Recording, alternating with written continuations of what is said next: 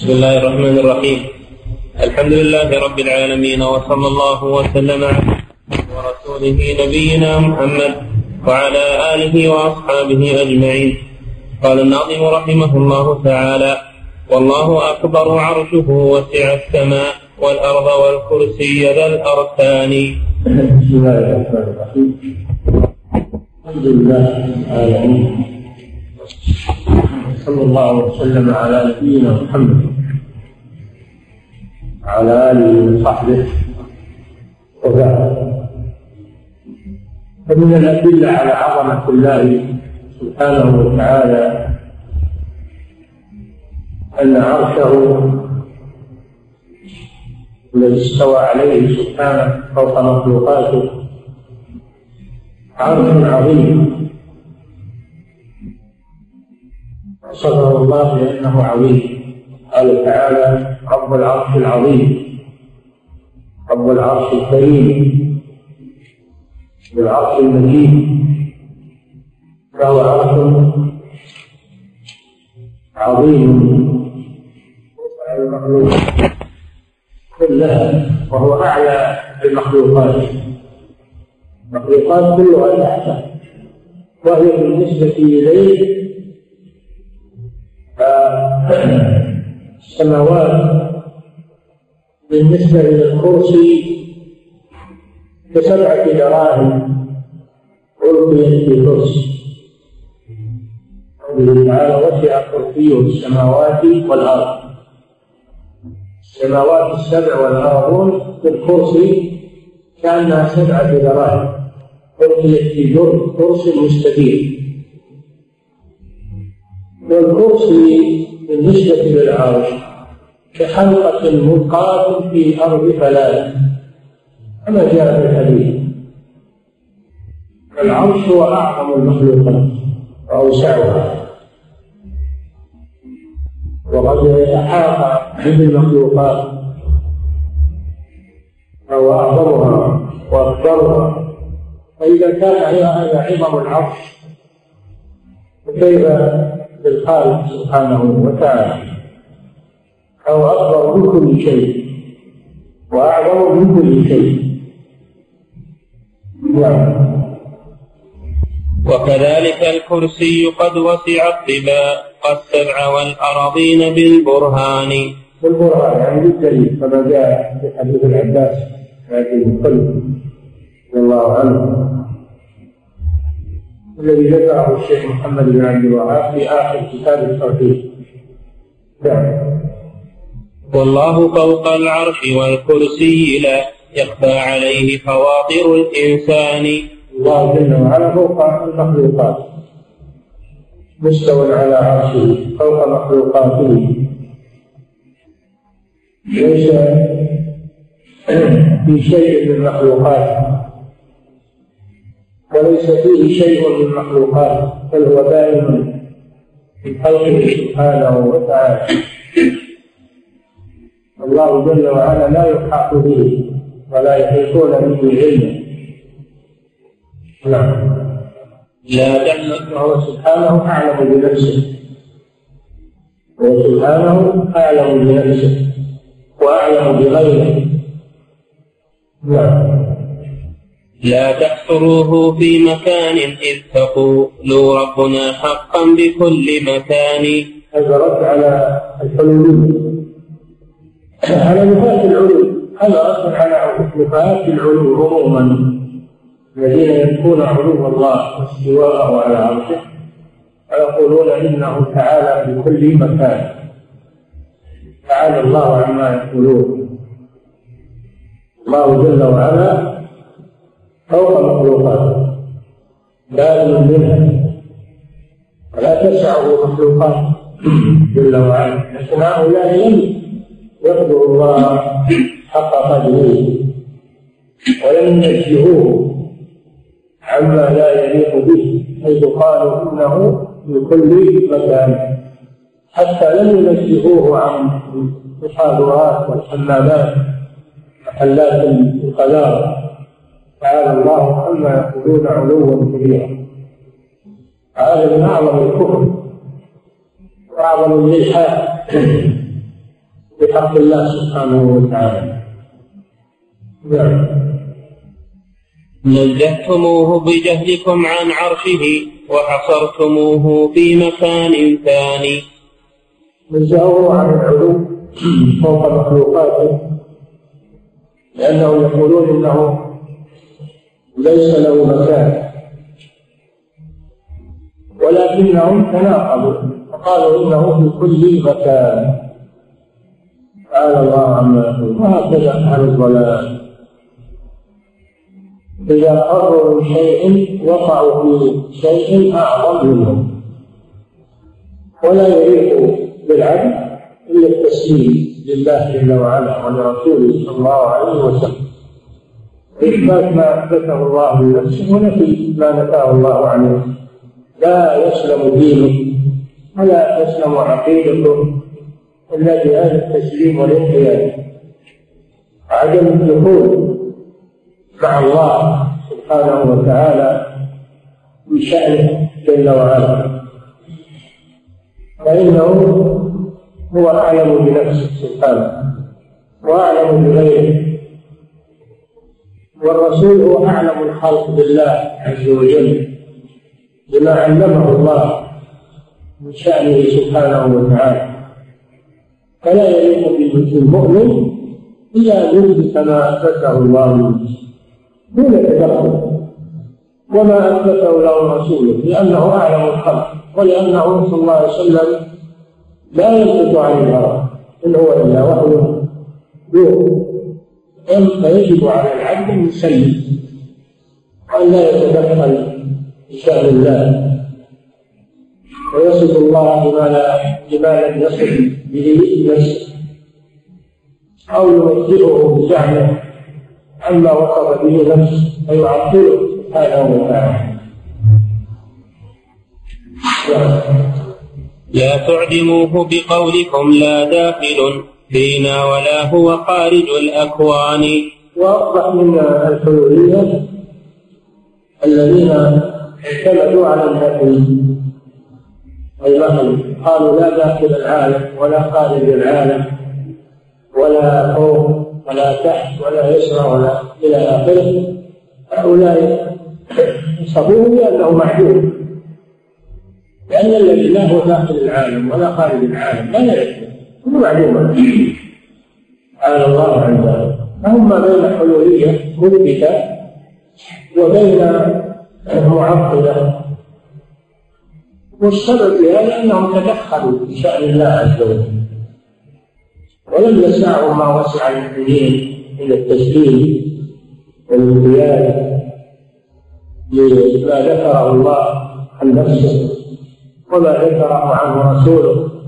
المبلغ عنه أما تدخلوا بعقولهم ضاعوا هذا الضياع وتخبطوا هذا التخبط فمنهم من وصف بأنه في كل مكان. جعله حالا في كل مكان. وهؤلاء هم الحلوليين ومنهم من نزهه عن المكان مطلقا. قال ليس له مكان. لا داخل العالم ولا خارج العالم ولا فوق. ولا تحت ولا يمنع ولا يسمع ولا ولا ولا حتى وصفوه بأنه معلوم تعالى الله عنه ولذلك سوء بالمعطل كما يعني. نعم. الله أكبر قد هتكت أستاركم وبدت لمن كانت له عينان. نعم هتكت أستار هؤلاء الضلال الذين يزعمون تنزيه الله. فتبين منهم أنهم حلوليه لا ينزهون الله عز وجل. لا ينزهون الله عن الحلول في الأماكن التي لا تليق به سبحانه. ولا ينزهون الله عن العدم والتعطيل تبين انكشف سره واتضح أمره. وتبين أنهم ملائكة معالمون للرسل ومعالمون للوحي أنهم ملائكه لكن تلبسوا باسم الإيمان وباسم الإسلام كذبا وزورا. والله أكبر جل عن شبه وعن مثل وعن تعطيل ذي كفران. لما فرغ من المعطلة النفاس شرع الرد على المشبهة المشبهة الذين غلوا في الإثبات. فأثبتوا لله الأسماء والصفات لكن شبهوها بصفات خلق الصفات فقالوا يد كأيدينا ووجه كوجوهنا وإلى آخره. وعلم كعلمنا وسمع كسمع إلى آخره.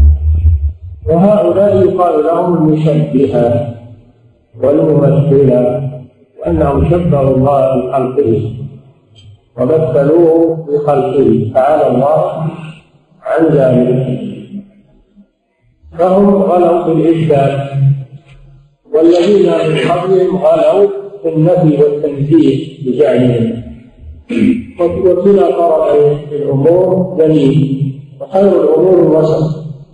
وهم أهل الإيمان وأهل السنة والجماعة الذين أثبتوا ما أثبته الله بنفسه أو أثبته له رسوله بلا معقلة ونزهوا الله عن مشابهة خلقه خلافا للمشبهة على حد قول الله جل وعلا ليس كمثله شيء. هذا رد على المشبهة وهو السميع البصير هذا رد على المعطلة نعم. والله أكبر من له الأسماء والأوصاف كاملة بلا نقصان. نعم كما أثبتها لنفسه سبحانه. له الأسماء الحسنى. ومعنى كونها حسنى أنها كاملة لا نقص فيها. الكاملة الحسنى الكاملة التي لا نقص فيها. هذا معنى كونها حسن كاملة لا نقص فيها نعم. وكذلك يشتق من أسمائه صفات. ليست أسماء مجردة كما يقول المعتزلة. ليس لها معاني بل هي أسماء لها معاني. كل اسم منها يدل على صفة. فالسميع يدل على السمع والبصير يدل على البصر والعليم يدل على العلم والحكيم يدل على الحكمة والقدير يدل على القدرة. كل اسم من أسماء فإنه يدل على صفة من صفاته سبحانه. نعم. والله أكبر جل عن ولد وصاحبة وعن كفء وعن أقدان نعم هذا رد على النصارى ومشرك العرب الذين أثبتوا لله الولد والصاحبة. عن الزوجة. تعالى الله عن ذلك. تعالى الله عن ذلك. النصارى يقولون المسيح ابن الله. اليهود يقولون عزير ابن الله. مشرك العرب يقولون الملائكة بنات الله. ويثبتون لله ما يكرهونه لأنفسهم أنهم يكرهون البنات. أو يثبتون ويجعلون لله ما يكرهون. تصف ألسنتهم الكذب أن لهم تصف لهم الأولاد الذكور فهؤلاء الذين أثبتوا لله الولد من بنين وبنات وجعلوا له وخلقوا له بنين وبنات بغير علم. سبحانه وتعالى عما يصفون بديع السماوات والأرض أن لا يكون له ولد.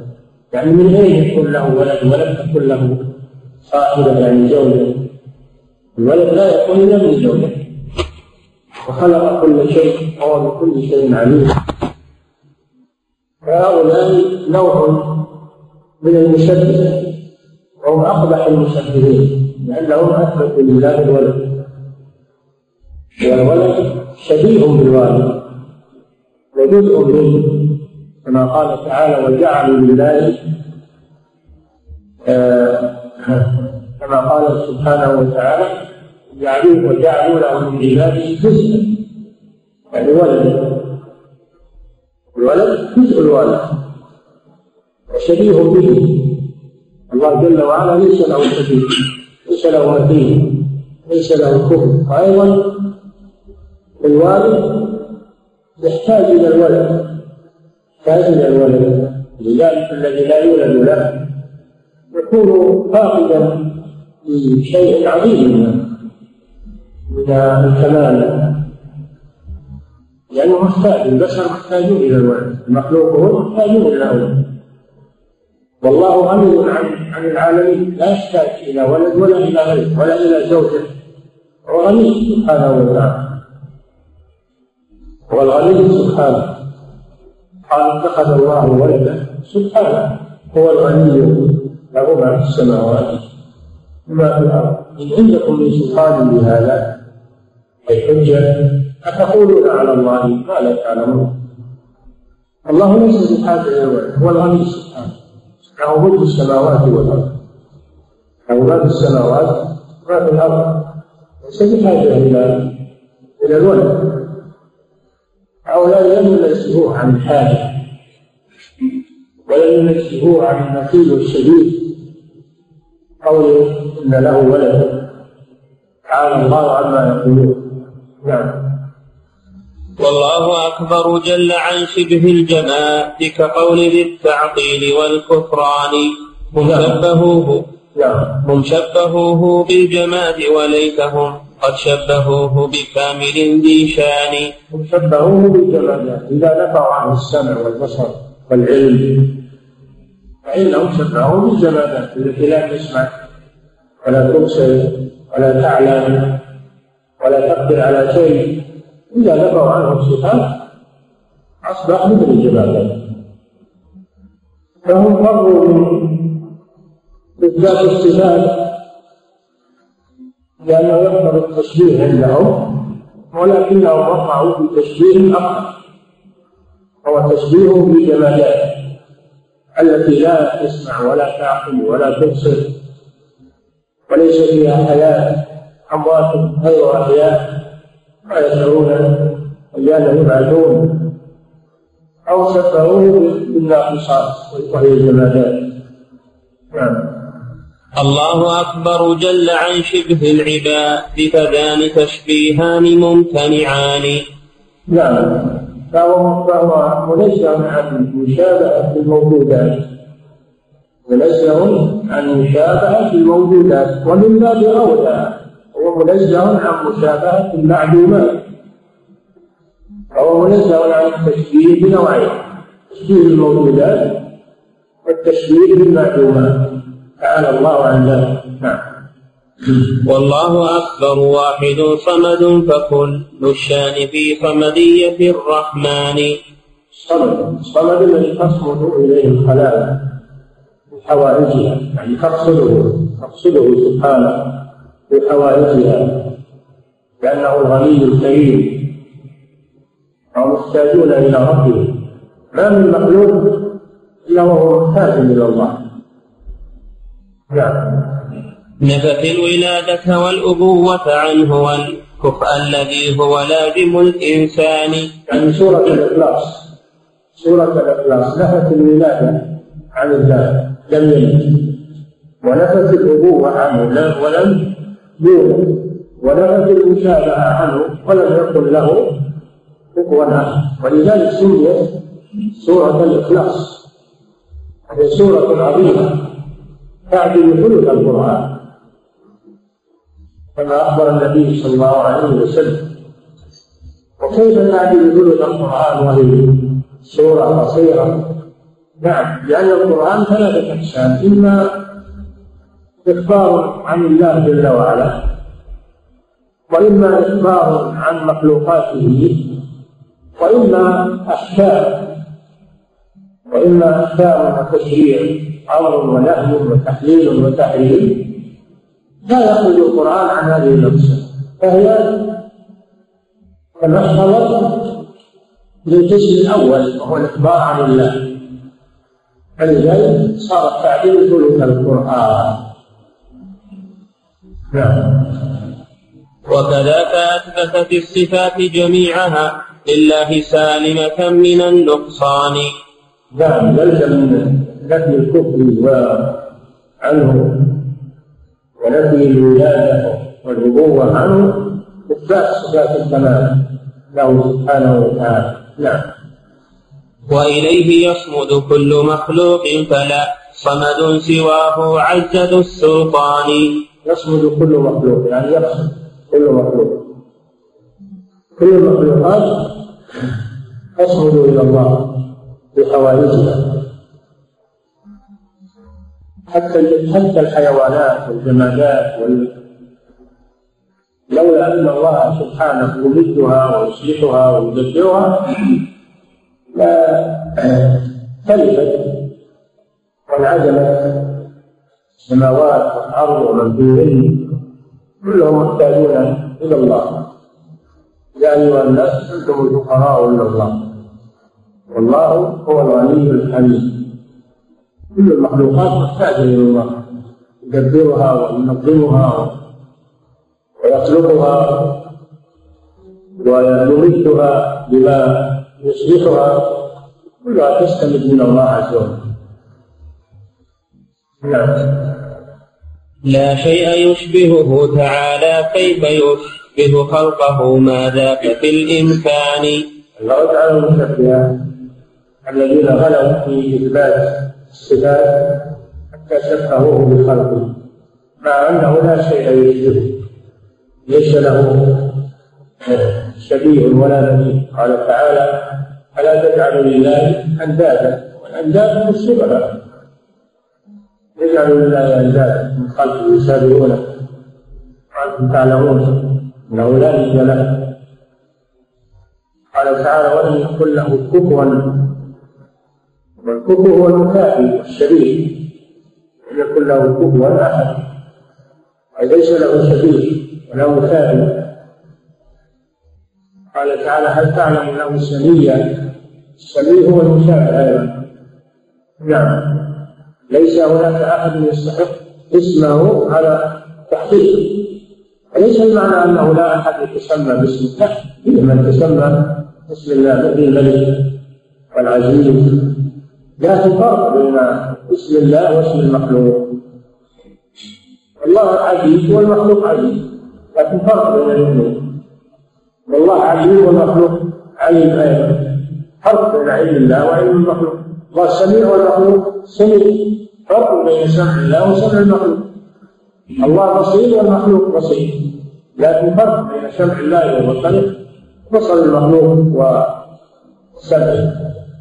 قاعدة عظيمة يسير عليها المسلمون وهي الفرق بين صفات الخالق صفات المخلوق. وإن اشتركت في الاسم أو اشتركت في المعنى لكنها لا تشترك في الكيفية والحقيقة. نعم. لكن ثبوت صفاته وكلامه وعلوه حقا بلا نكران. نعم. لا تجعل الإثبات تشبيها له. يا لا تجعلوا لا تجعل الإثبات تشبيها له. يا فرقة التشبيه والطغيان. يرد على المعطل الذين ينفون الأسماء والصفات ويقولون بأن إثباتها يقتضي التشبيه. يقتضي التشبيه بزعمهم هذا باطل لأننا عرفنا الفرق بين صفات الخالق وصفات المخلوق فإثباتها لا يقتضي التشبيه لو كان إثباتها يقتضي التشبيه لما أثبتها الله لنفسه؟ ولا ولم يثبتها له رسوله. على أنها لا تقتضي التشبيه إن إثباتها لا يقتضي التشبيه وهم كما سبق قرروا التشبيه بالموجودات بزعمهم تشبهوا بالمعلومات والناقصات والجمادات. نعم. لم يرتقون بسلم التنزيه للتعطيل ترويجا على العميان. هم ملائكة لا يؤمنون بالله عز وجل ولا يؤمنون بربهم ولكنهم اتخذوا سلم التنزيه للوصول إلى إلحادهم وقالوا ننزه الله عن هذه الصفات ليتوصلوا إلى نفي وجود الله عز وجل. هذا هو القصد. سكروا بهذه الشبهة وهم يريدون الإلحاد بحق الله عز وجل. نعم. الله أكبر أن تكون صفاته كصفاتنا جل العظيم الشان. أو أكبر وشأنا وأعظم قدرا أن تكون صفاته كصفات المخلوقين تعالى الله عن ذلك. وإن اشتركت في الاسم وإن اشتركت في المعنى لكن الحقيقة والكيفية تختلف. حسب ما تضاف إليه. السمع إذا أضيف إلى المخلوق كان سمعا يليق بالمخلوق وإذا أضيف إلى الخالق كان سمعا يليق بالخالق الإضافة تميز تميز بين الصفتين صفة المخلوق وصفة الخالق نعم. هذا هو التشبيه لا إثبات أو صاف الكمال فما هما سيان؟ هذا هو التشبيه الغليظ والعياذ بالله. نفي الصفات هو التشبيه لأنه شبهه بالمعلومات والناقصات والجمالات نعم. فصل في تلازم التعطيل والشرك.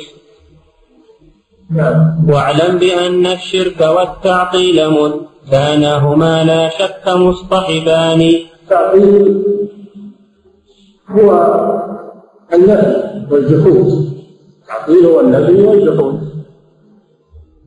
والشرك هو إثبات السبيل لله سبحانه وتعالى. الإقرار بالله والإقرار بالله لكن مع الإشراك به. أما التعطيل فهو نفي وجود الله عز وجل.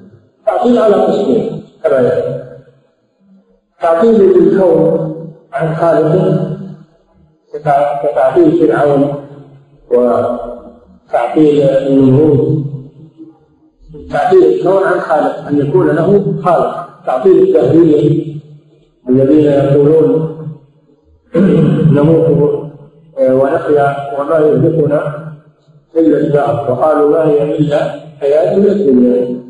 نموت ونحيا وما يهلكنا إلا الدهر هؤلاء هم معطلة الكون عن خالقه سبحانه. وهؤلاء رد الله عليهم بقوله أم خلقوا من غير شيء؟ أم هم الخالقون؟ أم خلقوا السماوات والأرض بل لا يمكنون رد الله هذا رد على المعطلة. الذين لا يقرون بوجود الله جل وعلا. لأنه يلزم على قوله أن هذه المخلوقات وجدت بدون خالق هذا ما هو معقول ما يمكن أن يوجد مخلوق بدون خالق وإذا أقروا أن هذا الكون موجود بخالق خلقه فمن هو هذا الخالق؟ هل هم خلقوه؟ أم خلقوا السماوات والأرض؟ من هو الذي خلق السماوات؟ إذا أثبتتم أن هذا الكون مخلوق وأن له خالقا فهل أنتم خلقتموه؟ هل أنتم خلقتم أنفسكم؟ أم خلقوا من غير شيء أم هم الخالقون؟ أم خلق السماوات والأرض؟ بل لا يوجد هذا برهان عقلي ولهذا لما سمع لما سمع حكيم الالتزام رسول الله صلى الله عليه وسلم يتلو هذه الآية في صلاة المغرب من جبير بن مطعم لما سمع رسول الله صلى الله عليه وسلم يقرأ سورة الطور في صلاة المغرب في المدينة وكان كافرا إلى ذاك الوقت قدم المدينة لحاجة وسمع الرسول يقرأ هذه الآية. خلقوا من غير شيء أم هم الخالقون. ففكر لأنه عاقل. فكر. وقال كاد قلبي أن يطير لأنه عربي قصير يفهم الكلام. فلما سمع هذا القرآن عند ذلك كاد قلبه أن يطير بعظمة هذا البرهان اللي ما فيه يعني مراوغة. ما في مراوغة أبدا. أم خلقوا من غير شيء؟ ما هم معقول؟ أم هم الخالقون؟ ما هم معقول؟ أم خلقوا السماوات والأرض؟ ما هم معقول؟ فعند ذلك انقطعت حجتهم هذا رد على المعطل الذين يقولون ما هي إلا حياتنا الدنيا؟ نموت ونحيا وما يهلكنا إلا الدهر. هذا قسم القسم الثاني معطلة الصفات معطلة الخالق عن صفاته عن أسمائه وصفاته. وهم الجهمية والمعتزلة والشاعرة ومشتقاتهم من الذين يعطلون الصفات.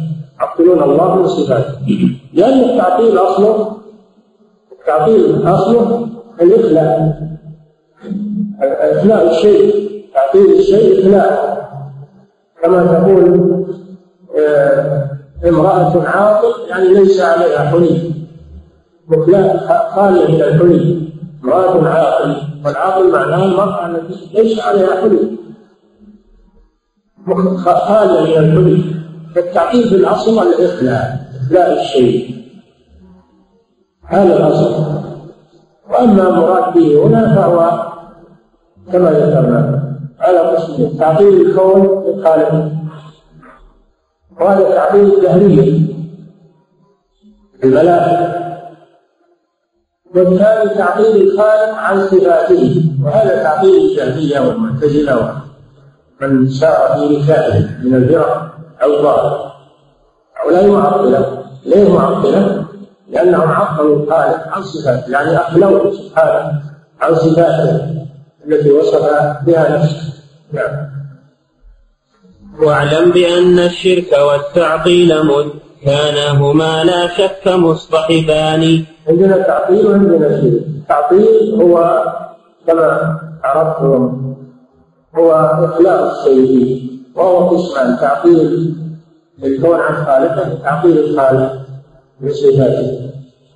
الشرك الشرك أيضا تعطيل الشرك هو إثبات الخالق.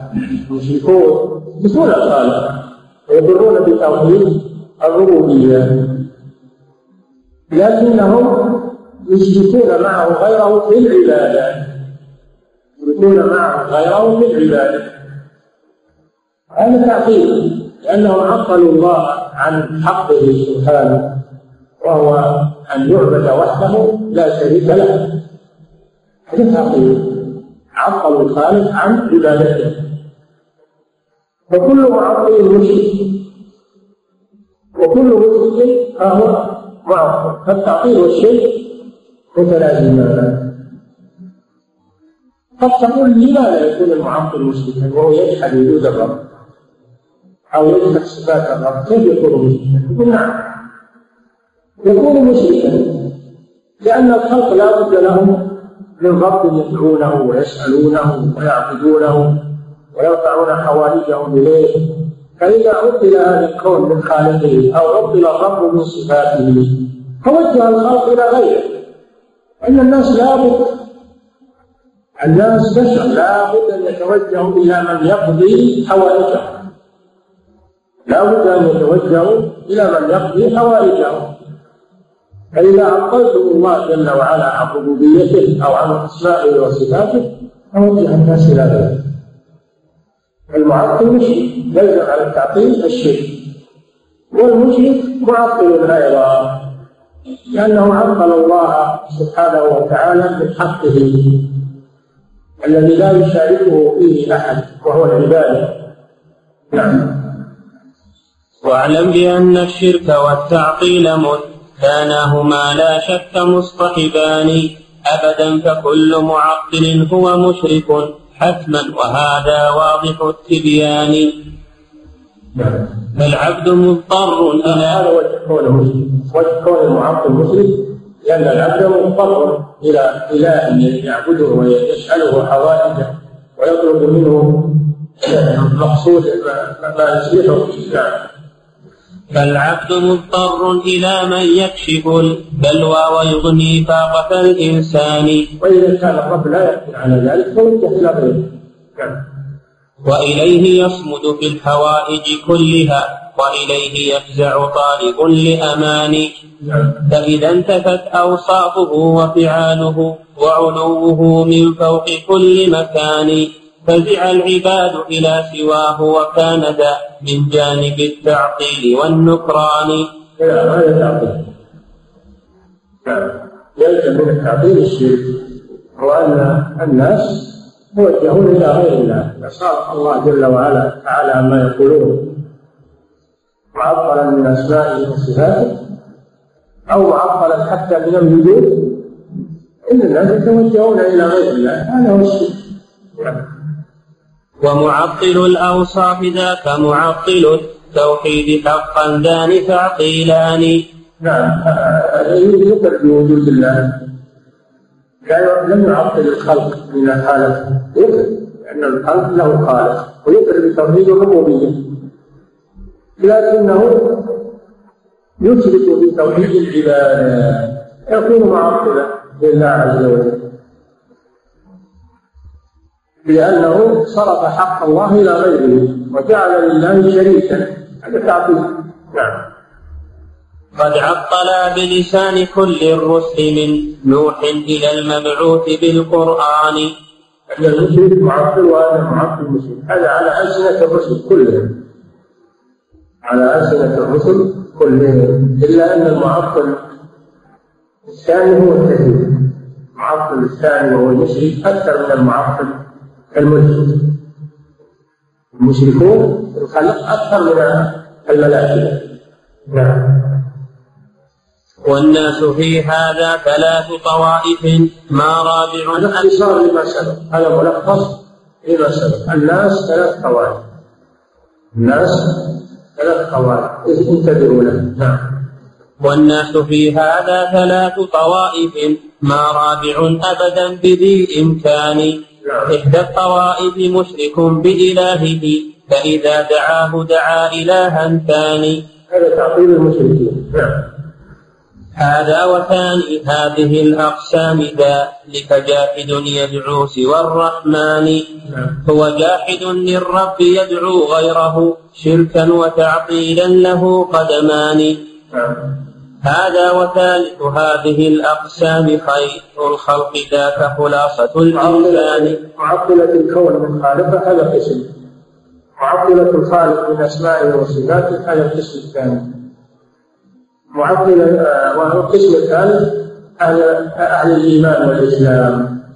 أهل الإسلام والإيمان الذين أثبتوا الخالق سبحانه بأسمائه وصفاته وعبدوه حق عبادته فلم يحصل منهم تعطيل؟ لا تعطيل إلحاد ولا تعطيل شرك. لا تعطيل إلحاد ولا تعطيل شرك بل هم مسلمون مؤمنون. أتباع الرسل عليه الصلاة والسلام. نعم. والثالث هذا وثالث هذه الأقسام خير الخلق ذاك خلاصة الإنسان. يدعو الإله الحق لا يدعو سواه قط في الأكوان والأزمان. وهو الرسل وأتباعهم. الرسل وأتباعهم. هم على القسم. نعم. يدعوه في الرغبات والرهبات وال الآلاف من سر ومن إعلان. توحيده نوعان علمي وقصدي كما قد جرد النوعان. أنواع التوحيد على على الإجمال اثنان توحيد توحيد خبري علمي. توحيد خبري علمي. وهو توحيد الربوبية. والأسماء والصفات هذا توحيد خبري علمي. وتوحيد عملي. قلبي وهو توحيد الألوهية. توحيد عملي. الأول علمي وهذا عملي. عملي. قلبي وهذا توحيد الألوهية توحيد العبادة. هذا توحيد في نوعين إجمالا وعلى التفصيل توحيد ثلاث أنواع توحيد الربوبية وتوحيد الألوهية وتوحيد الأسماء والصفات. إذا فصلت توحيد الأسماء والصفات صار قسما ثالثا وفصلوه لأنه حصل فيه. فصلوه لأنه حصل فيه. آه، منازعة إلى الجهمية والمعتزلة ونفاة الأسماء والصفات. صلوه قسما مستقلا لأجل الرد عليه. نعم. توحيده نوعان علمي وقصد حسي كما قد جرد النوعان. في سورة الإخلاص مع ثال لنصر الله قل يا أيها ببيان. نعم. جرد نوع التوحيد العلمي والعملي في سورتين السورتين الأولى. سورة الإخلاص هذه توحيد الربوبية والأسماء والصفات. والثاني قل يا أيها الكافرون التي بعد سورة التي قبل سورة سورة النصر. التي قبل سورة النصر. قل يا أيها الكافرون لا أعبد ما تعبدون ولا أنتم عابدون ما أعبد ولا أنا عابد ما عبدت ولا أنتم عابدون ما أعبد. هذه توحيد الألوهية الأول في سورة الإخلاص وهو توحيد الربوبية والأسماء والصفات وهو العلمي القدري. والثاني في قل يا أيها الكافرون وهو العملي العملي القصدي الذي يقصد به العبد ربه بالدعاء والاستغاثة واللجوء إليه سبحانه وتعالى. هاتين السورتين نعم. ولذاك قد شرع بسنة فجرنا. وكذاك سنة مغرب طرفان. ليكون مفتتح النهار وختمه تجريدة التوحيد للديان. ولكون هاتين السورتين العظيمتين تتضمنان نوعين التوحيد العملي والعلمي كان النبي صلى الله عليه وسلم يقرأ بهما في ركعتي الفجر. الراتبة التي قبل الفجر. يقرأ بالأولى قل يا أيها الكافرون وهو التوحيد العملي وفي الثانية قل هو الله أحد وهو التوحيد الخبري العلمي. ليفتتح بهما النهار. يفتتح النهار بالتوحيد بنوعين.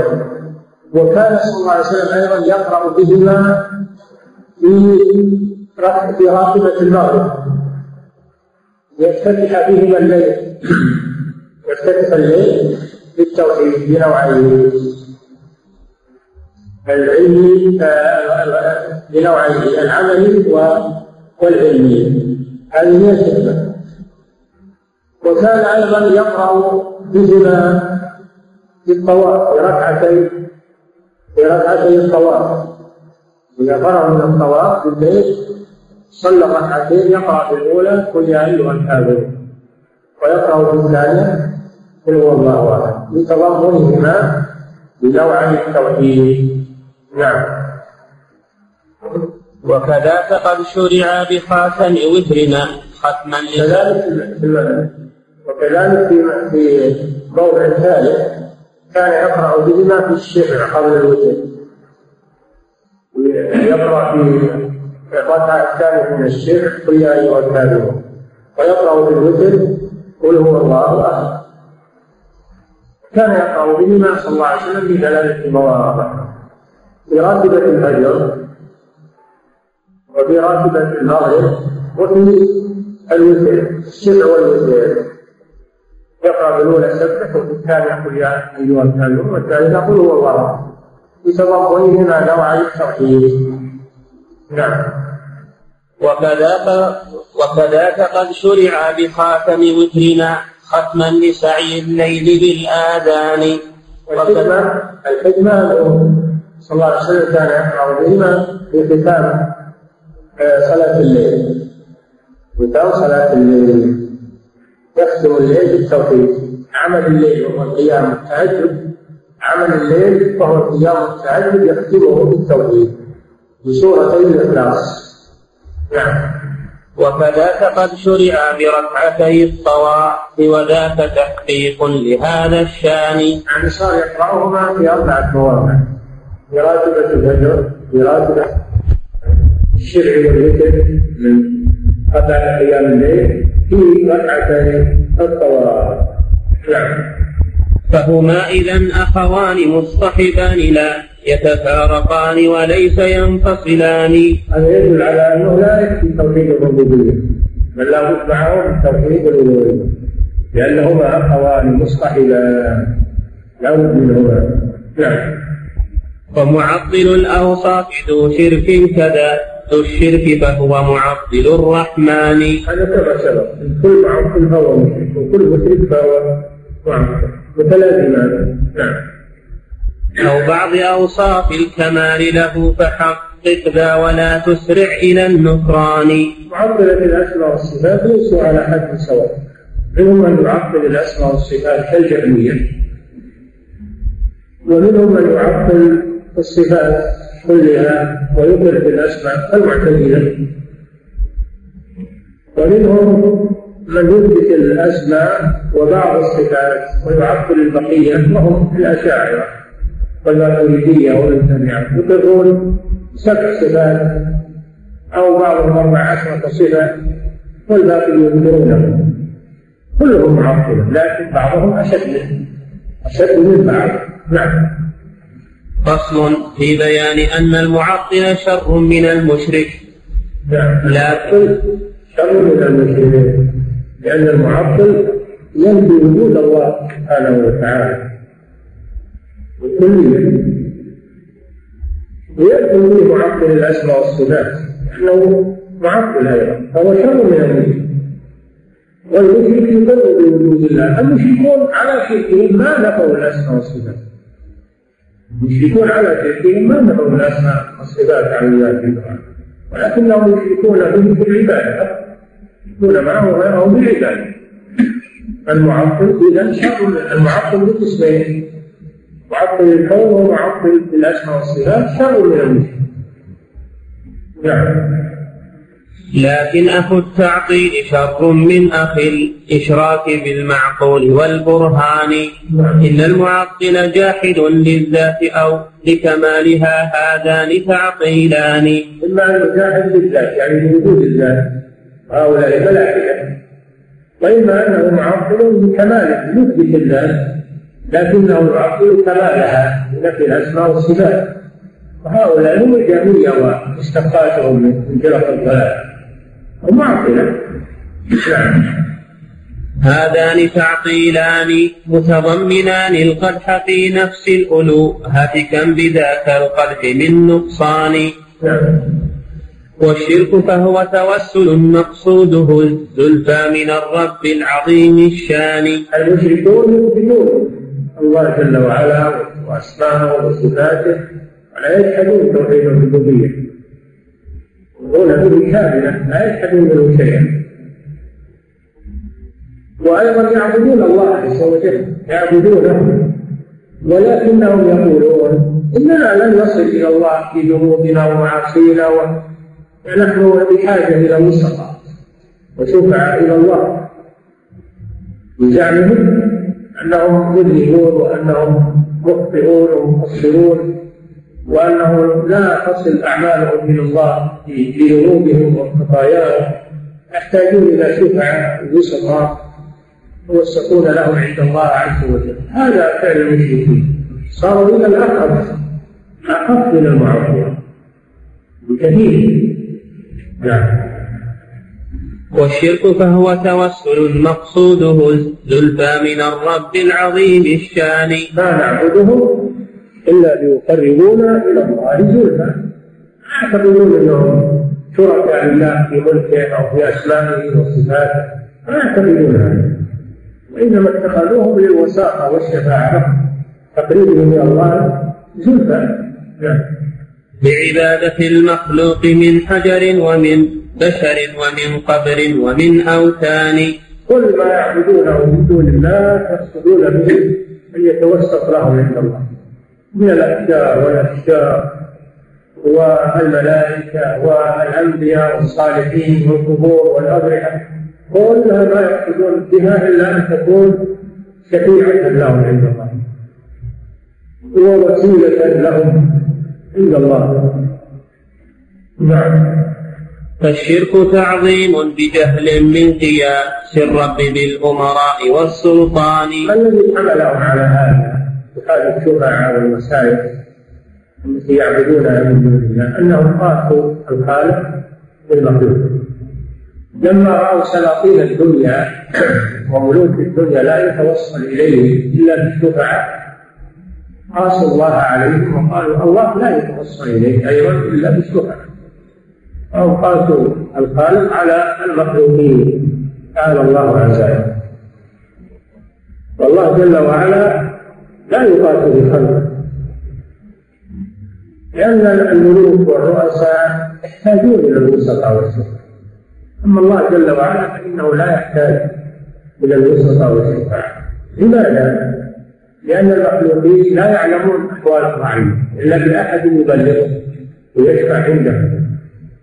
والله جل وعلا يعلم كل شيء لا يخفى عليه شيء. هذا وجه. الوجه الثاني أن الملوك وإن كانوا يعلمون بأحوال الرعية أو بشيء منها فإنهم يعجزون عن إعطاء الرعية ما يقولون. أنهم مهما كانوا فقراء إلى الله سبحانه يعجزون فهم بحاجة إلى من يعينهم من الشفعاء حاجة إلى من يعينهم من الشفعاء في قضاء حوائج الرعية. ولذلك يقتربون إلى الرعية. الرؤساء والملوك يقتربون إلى الأغنياء. أنهم فقراء. ما يقدرون على كل حاجات الرعية. أو محتاجون إلى الشفعاء والوجهاء والمسقى عندهم. يستفيدوا منهم. في تدبير الملك. الوجه الثالث أن ملوك الدنيا ورؤساء الدنيا ولو كانوا أغنياء ولو كانوا يعلمون حوائج الرعية لكن ما قد لا يكون فيهم باع في نفوسهم إلى الرحمة إلى رحمة الرعية يكون عندهم قسوة يكون عندهم إعراض عن حوائج الرعية. يحتاجون إلى من يؤثر عليهم.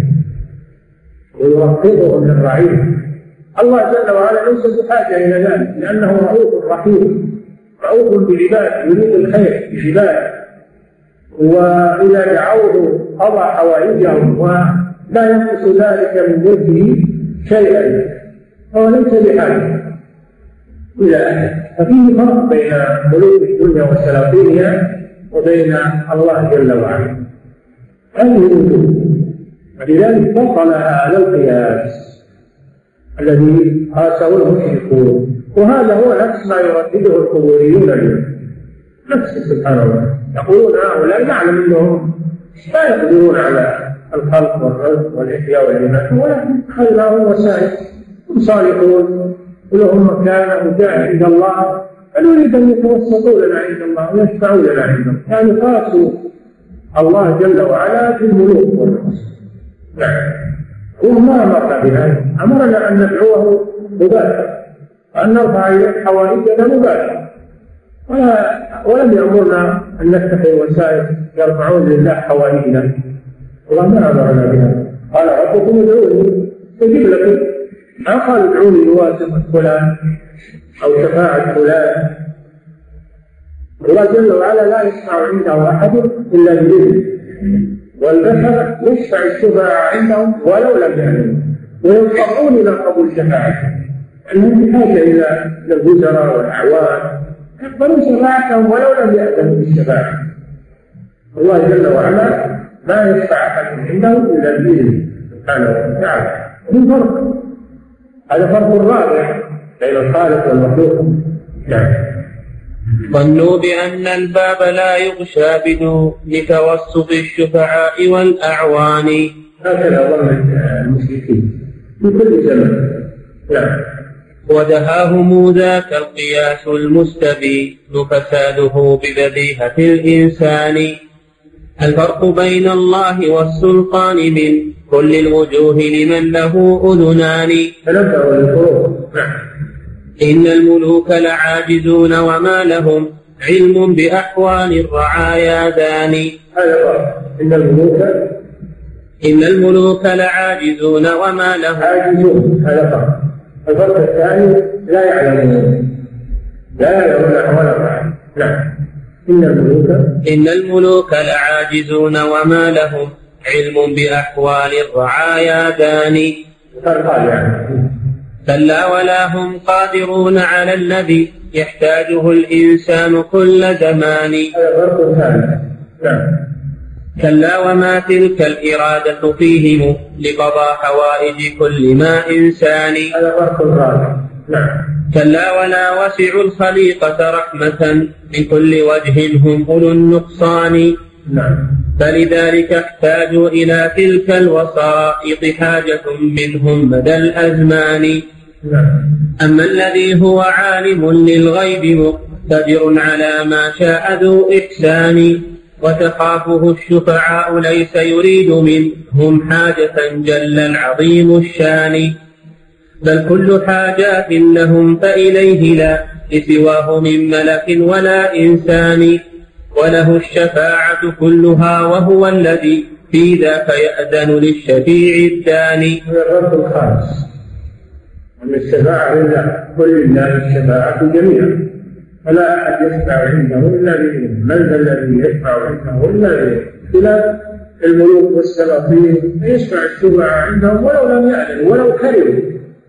يضطرون إلى قبول شفاعتهم لأي حاجتهم إليه. يعينون نعم. وله الشفاعة كلها وهو الذي في ذاك يأذن للشفيع الثاني. لمن ارتضى. الملوك والرؤساء فلا يأذنون بالشفاعة أو لا يأذنون بالشفاعة ولو لم نعم. لمن ارتضى ممن يوحده ولم يشرك به شيئا كما قد جاء في القرآن هذه الشفاعة الصحيحة شروط الشفاعة ترضى. الشرط الأول أن يأذن الله بها. يأذن للشافع أن يشفع الشرط الثاني أن يكون المشفوع به من أهل الإيمان من عصاة الموحدين الذين ليس عندهم شرك ولا كفر. أما المشرك والكافر هذا لا تقبل به شفاعة. نعم. سبقت شفاعته إليه فهو مشفوع إليه وشافع ذو شان.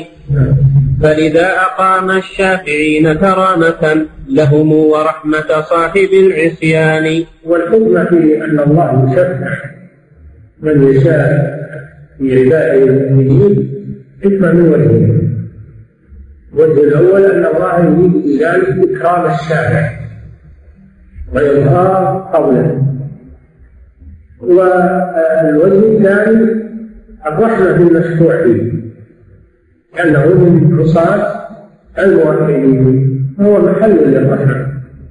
أن يجب أن الله يأذن بالشفاعة لعباده المؤمنين من العصاة بهذين الوجهين إكرامه للشافع ورحمته للمشفوع فيه. نعم. فالكل منه بدا ومرجعه إليه وحده ما من إله ثاني.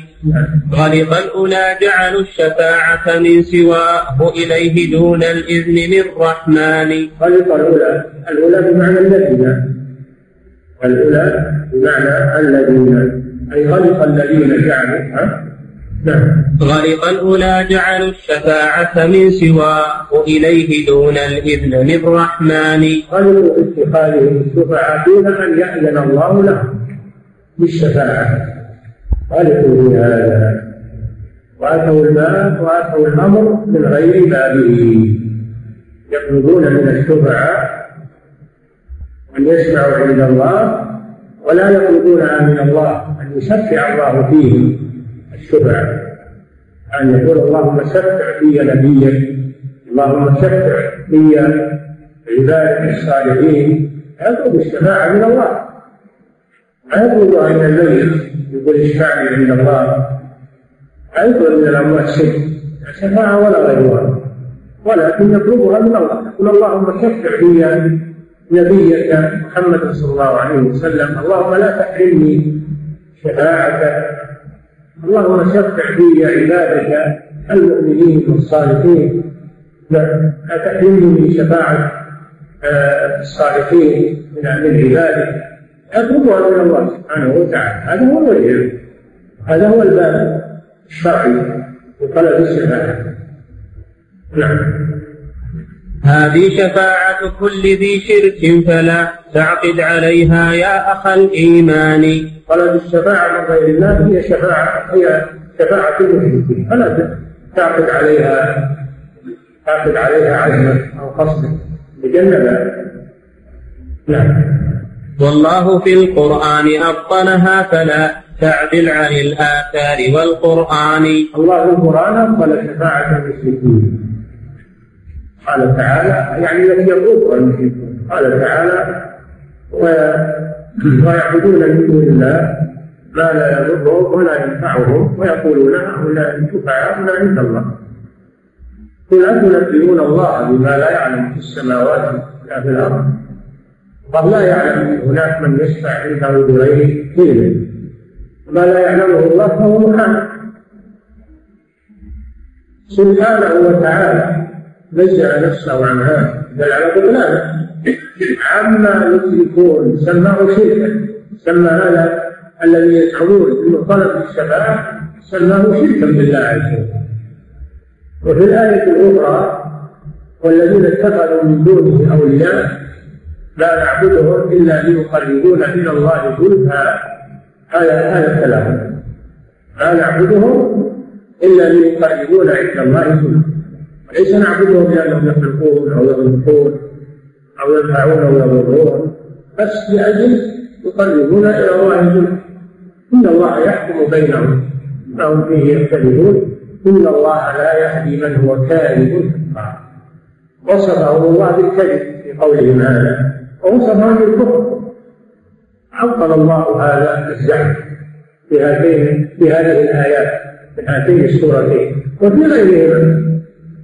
عطل الله الشفاعة التي يقصدها المشركون. وسماها شركا وسماها كفرا وسماها كذبا. نعم. وكذا الولاية كلها لله لا لسواه من ملك ولا إنسان. وكذا الولاية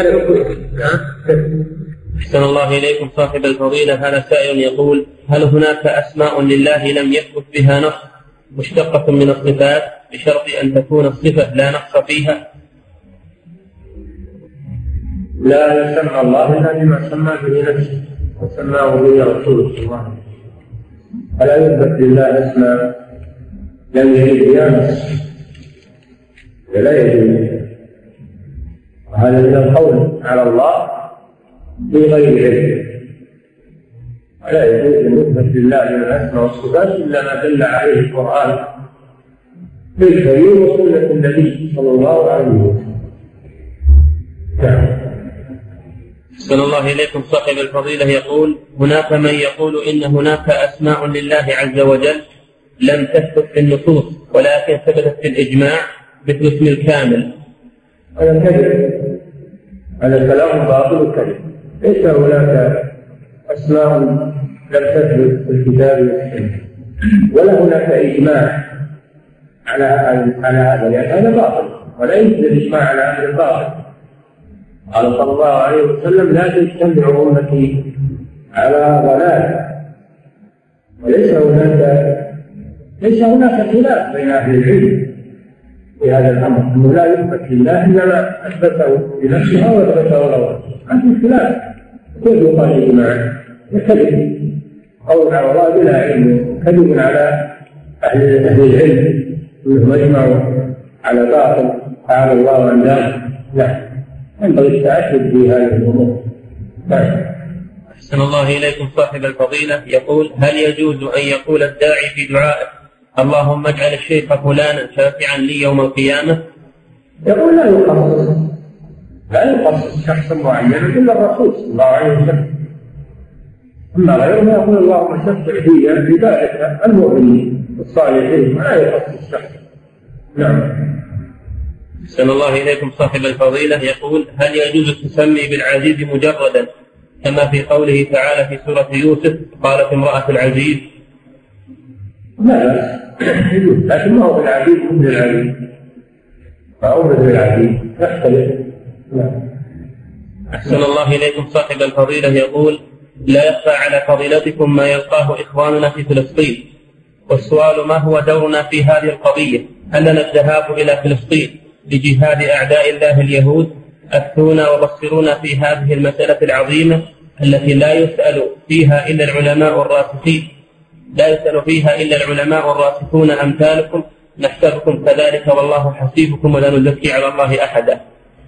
نعم هذا سؤال بيان أحسن الله إليكم. صاحب الفضيلة يقول ما حكم التلثم بالشماغ في الصلاة؟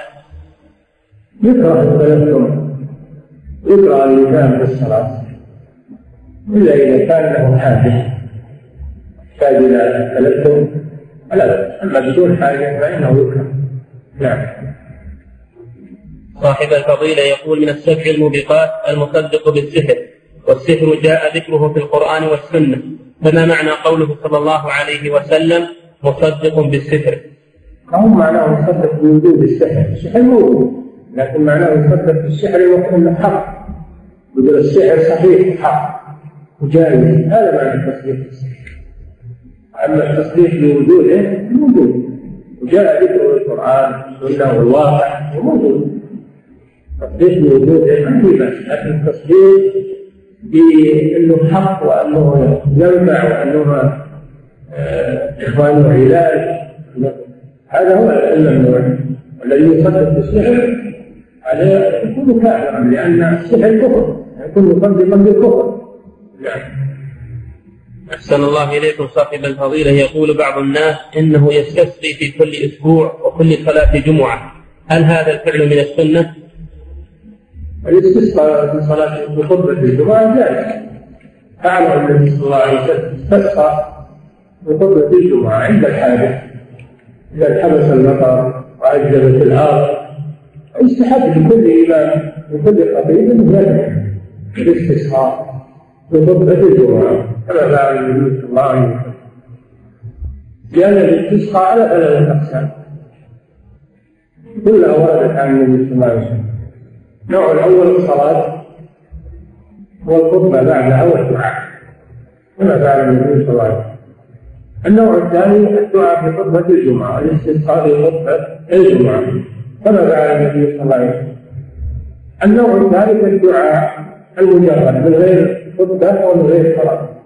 يدعو الله جل وعلا بالسقيا من غير صلاة ومن غير خطبة. نعم. أحسن الله إليكم صاحب الفضيلة يقول في بعض محلات الذهب أجهزة للبطاقات المصرفية وذلك بأن الزبون يشتري الذهب ثم يحول قيمة الذهب الذهب في الحال من حسابه إلى حساب صاحب المحل ويظهر بذلك على الشاشة أمامه. هل هذا يعد من التقابض؟ أنا عندي إشكال لكن العلماء أو بأن هذا يعد من التقابض. إذا كان له رصيد الثاني يعني كلا الطرفين له رصيد في بنك أو يحول من المشتري إلى البائع بواسطة الشاشة يعدون هذا المحط الله أعلم. أنا عندي هذا غاية لكن يقولون إنه يعني باع في الحاجة إليه. الله أعلم. أنا اخبركم عما سمعت. يقول هذا نعم. أحسن الله إليكم صاحب الفضيلة. يقول أقمنا مسجدا مؤقتا على أرض مخصصة لمواقف السيارات أقمنا مسجدا مؤقتا على أرض مخصصة لمواقف سيارات وهي تابعة للأمانة ولم يأت من يعارض فعلنا هذا مع أن المسجد مؤقت. والسؤال هل تجوز الصلاة في هذا المسجد أم لا؟ الصلاة تجوز في هذا. تجوز في هذا لأنه ليس مقصودا إنما هو من مصالح الحكومة. يجوز الصلاة فيه لكن ما تثبت مسجديته إلا الأمر ما تثبت مسجديته ووقفيته يكون وقتا إلا ولي الأمر أما الصلاة فيه غير يكون وقتا لا بأس. جعلت لي الأرض مسجدا. وطهورا نعم أحسن الله إليكم صاحب الفضيلة. يقول دعوت الله عز وجل أن يقيم الحرب. أقصد الجهاد. فأنكر علي أحد الأشخاص وقال ما يجوز لك أن تتمنى ذلك. ما حكم هذا الإنكار وما حكم فعله؟ ما زال العلماء يدعون الخطاب ويقول اللهم أقم على الجهاد. لا بأس بالدعاء بقيام الجهاد في سبيل الله لأن الكفر موجود في كل وقت الكفار متسلطون على المسلمين. فيدعى بأن الله يقيم على الجهاد على يد قائد المسلم يقود المسلمين بالجهاد نعم. أحسن الله إليكم صاحب الفضيلة. يقول هل الخلاف مع مرجئة الفقهاء خلاف لفظي أم حقيقي؟ مع العلم أن هناك من ينسب إلى شيخ الإسلام لتيمية رحمه الله القول بأن الخلاف لفظي. لا حقيقي. الخلاف حقيقي ما هو لفظي وشيخ الإسلام يقول إنه حقيقي ما قال إنه لفظي ولذلك أنكروا على الشارع حاوية رحمه الله لما زعم أن الخلاف لفظي. أنكروا عليه هذا حقيقي نعم. أحسن الله إليكم صاحب الفضيلة. يقول ما رأيكم في كتاب السحب الوابلة على ضرائح الحنابلة? كتاب تراجم كتاب تراجم الشيخ بن حبيب عبد الله بن حبيب. نعم قصير. وكان يذكر في مكة وتعلم على علماء الحرم. صار عنده شيء ثبت على الدعوة. صار عنده ثبت على الدعوة وعلى علماء الدعوة. فلا يذكر تراجمهم وأيضا إذا ذكر شيئا أحدا منهم يتناوله في الذنب. عفى الله عنا وعنه. أو كتاب لا. كتاب لا نص فيه ذنب لأهل التوحيد. وفيه نقص لأنه لا يترك تراجم علماء الدعوة. مع أنه تنزل عليهم. تنزل على الشيخ عبد الله بن بكير عنيزة ومع هذا ما يترك تراجمهم لأنه يحسد عليهم سبب انه تكلم على ناس هم طيبين. فدخل في نفس الشيء من البغضة لأهل التوحيد. الله يعفو عنا وعنه. نعم. أحسن الله إليكم صاحب الفضيلة. يقول ما حكم المشي في المقبرة بالنعلين أو بدونهما? يجوز المشي في المقبرة يحتاج إليه النعلين إذا احتاج صارت المقبرة فيها شوك. أو فيها رمضة يجوز أن يمشي بالنعلين فيها للحاجة لكن لا يجلس على القبور. يجنب القبور يمشي بين القبور. أو مع الطرقات المخصصة. لا بأس. يلبس النعلين للحاجة نعم. أحسن الله إليكم صاحب الفضيلة. يقول هل قال أحد من العلماء بأن الميت لا يصل إليه شيء من الأعمال؟ بدليل قول الله تعالى وأن ليس للإنسان إلا ما سعى نعم في من يقول هذا. لكن الصحيح أنه يصل إلى الميت ما دلت عليه الأدلة فقط. الأصل أنه لا يصل إلى الميت إلا عمله. لكن يصل إليه ما دلت عليه الأدلة مثل الصدقة عن الميت الحج والعمرة عن الميت مثل الدعاء والاستغفار للميت. هذا يصل إليه لأن الأدلة دلت على ذلك. نعم. أحسن الله إليكم صاحب الفضيلة يقول ما صحة حديث من غسل ميتا فليغتسل ومن حمله فليتوضأ. هذا يقولون لكنه ما هو صحيح. لكنه ليس صحيحا. أحسن الله إليكم صاحب الفضيلة يقول هل ورد ما يدل على مشروعية القراءة في ماء أو زيت الزيتون وأمثال هذا؟ لأن البعض قال بعدم الدليل على ذلك فهل هذا صحيح؟ الدليل فيه دليل أنه يقرأ بالماء ويحفظه الميت. فعله النبي صلى الله عليه وسلم. الحديث في سنن أبي داود. الحديث في سنن أبي داود. أن النبي صلى الله عليه وسلم قرأ في ماء وشربه الميت فلا بأس بذلك. لكن هناك توسع في هذا الأمر وهو انهم يقرؤون في المياه ويبيعون على الناس. باع في الأسواق تصير مثل السلاح. هذا لا يجوز هذا توسع. ان تقرا عند مريض موجود تعطيه إياه ويشربه هذا فعله النبي صلى الله عليه وسلم. أما البيع والمساوقه في الأسواق توسع هذا هذا لا دليل عليه. نعم. أحسن الله إليكم صاحب الفضيلة. يقول هل اللغة العربية الفصحى هي لغة العرب في الحجاز قبل البعثة؟ وهل هناك لغة عامية في الحجاز ومصر والشام؟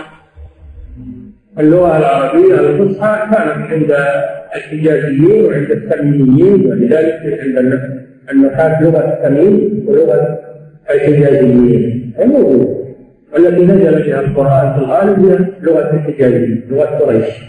قد ينزل بشيء من لغة التميميين فالقرآن نزل باللغة العربية الفصحى وهي موجودة عند قبائل العرب. تختلف لهجاتهم فيها.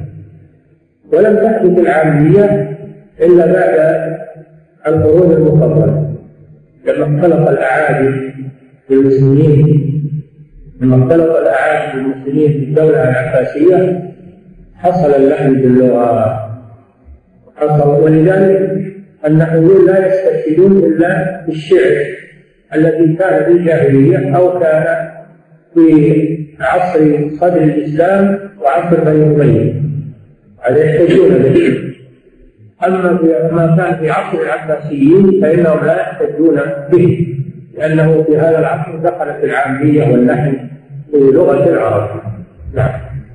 أحسن الله إليكم صاحب الفضيلة. يقول إن بعض المشايخ في في أحد القنوات الفضائية يقول إن العذاب في القبر على الروح فقط. هل هذا القول صحيح؟ هذا كذب. وقول على الله بلا علم تجيه من العذاب على الرقبة الله أثبت عذاب القبر والنبي صلى الله عليه وسلم أثبت عذاب القبر ويكون على الروح وعلى البدن. وإن تحلل البدن وصار ترابا الله قادر على أن يعذبه وهو تراب. الله قادر على كل شيء. لأن الإنسان يتكلف بأمور الغير بعقله أو بظنه أو بما يعتقده فليتوكل على ما جاء بالدليل ولا يتدخل نعم. أحسن الله إليكم. صاحب الفضيلة يقول يوسف القرضاوي سعى في الأرض فسادا بفتاوى ركونا من الأسماء المعينة. ركونا. أخرج هذا. نعم. كل سيحاسبه الله عز وجل. الإنسان يخاف على نفسه. يدخل قرضاوي كل مسؤول عن نفسه وعما يقول. ما يلزم من قول إلا لديه رقيب عنه أنت لو كذبت على الناس هذا فهذا غيبة ونميمة يحاسب عليه كثيرا من كبائر الذنوب فكيف بالذي يكذب على الله وعلى رسوله والعياذ بالله. ويقول أحل الله كذا وحرم الله كذا من غير دليل. الأمر خطير جدا. وعلى الإنسان أن يسأل الله العافية وأن يمسك لسانه عن القول على الله بلا علم وأن لا يبتليه الله مثل ما فلانا وفلانا نسأل الله أن يعافينا وإياكم من القول عليه بلا علم. وأن يرزقنا العلم النافع والعمل الصالح. صلى الله وسلم على نبينا محمد وعلى آله وسلم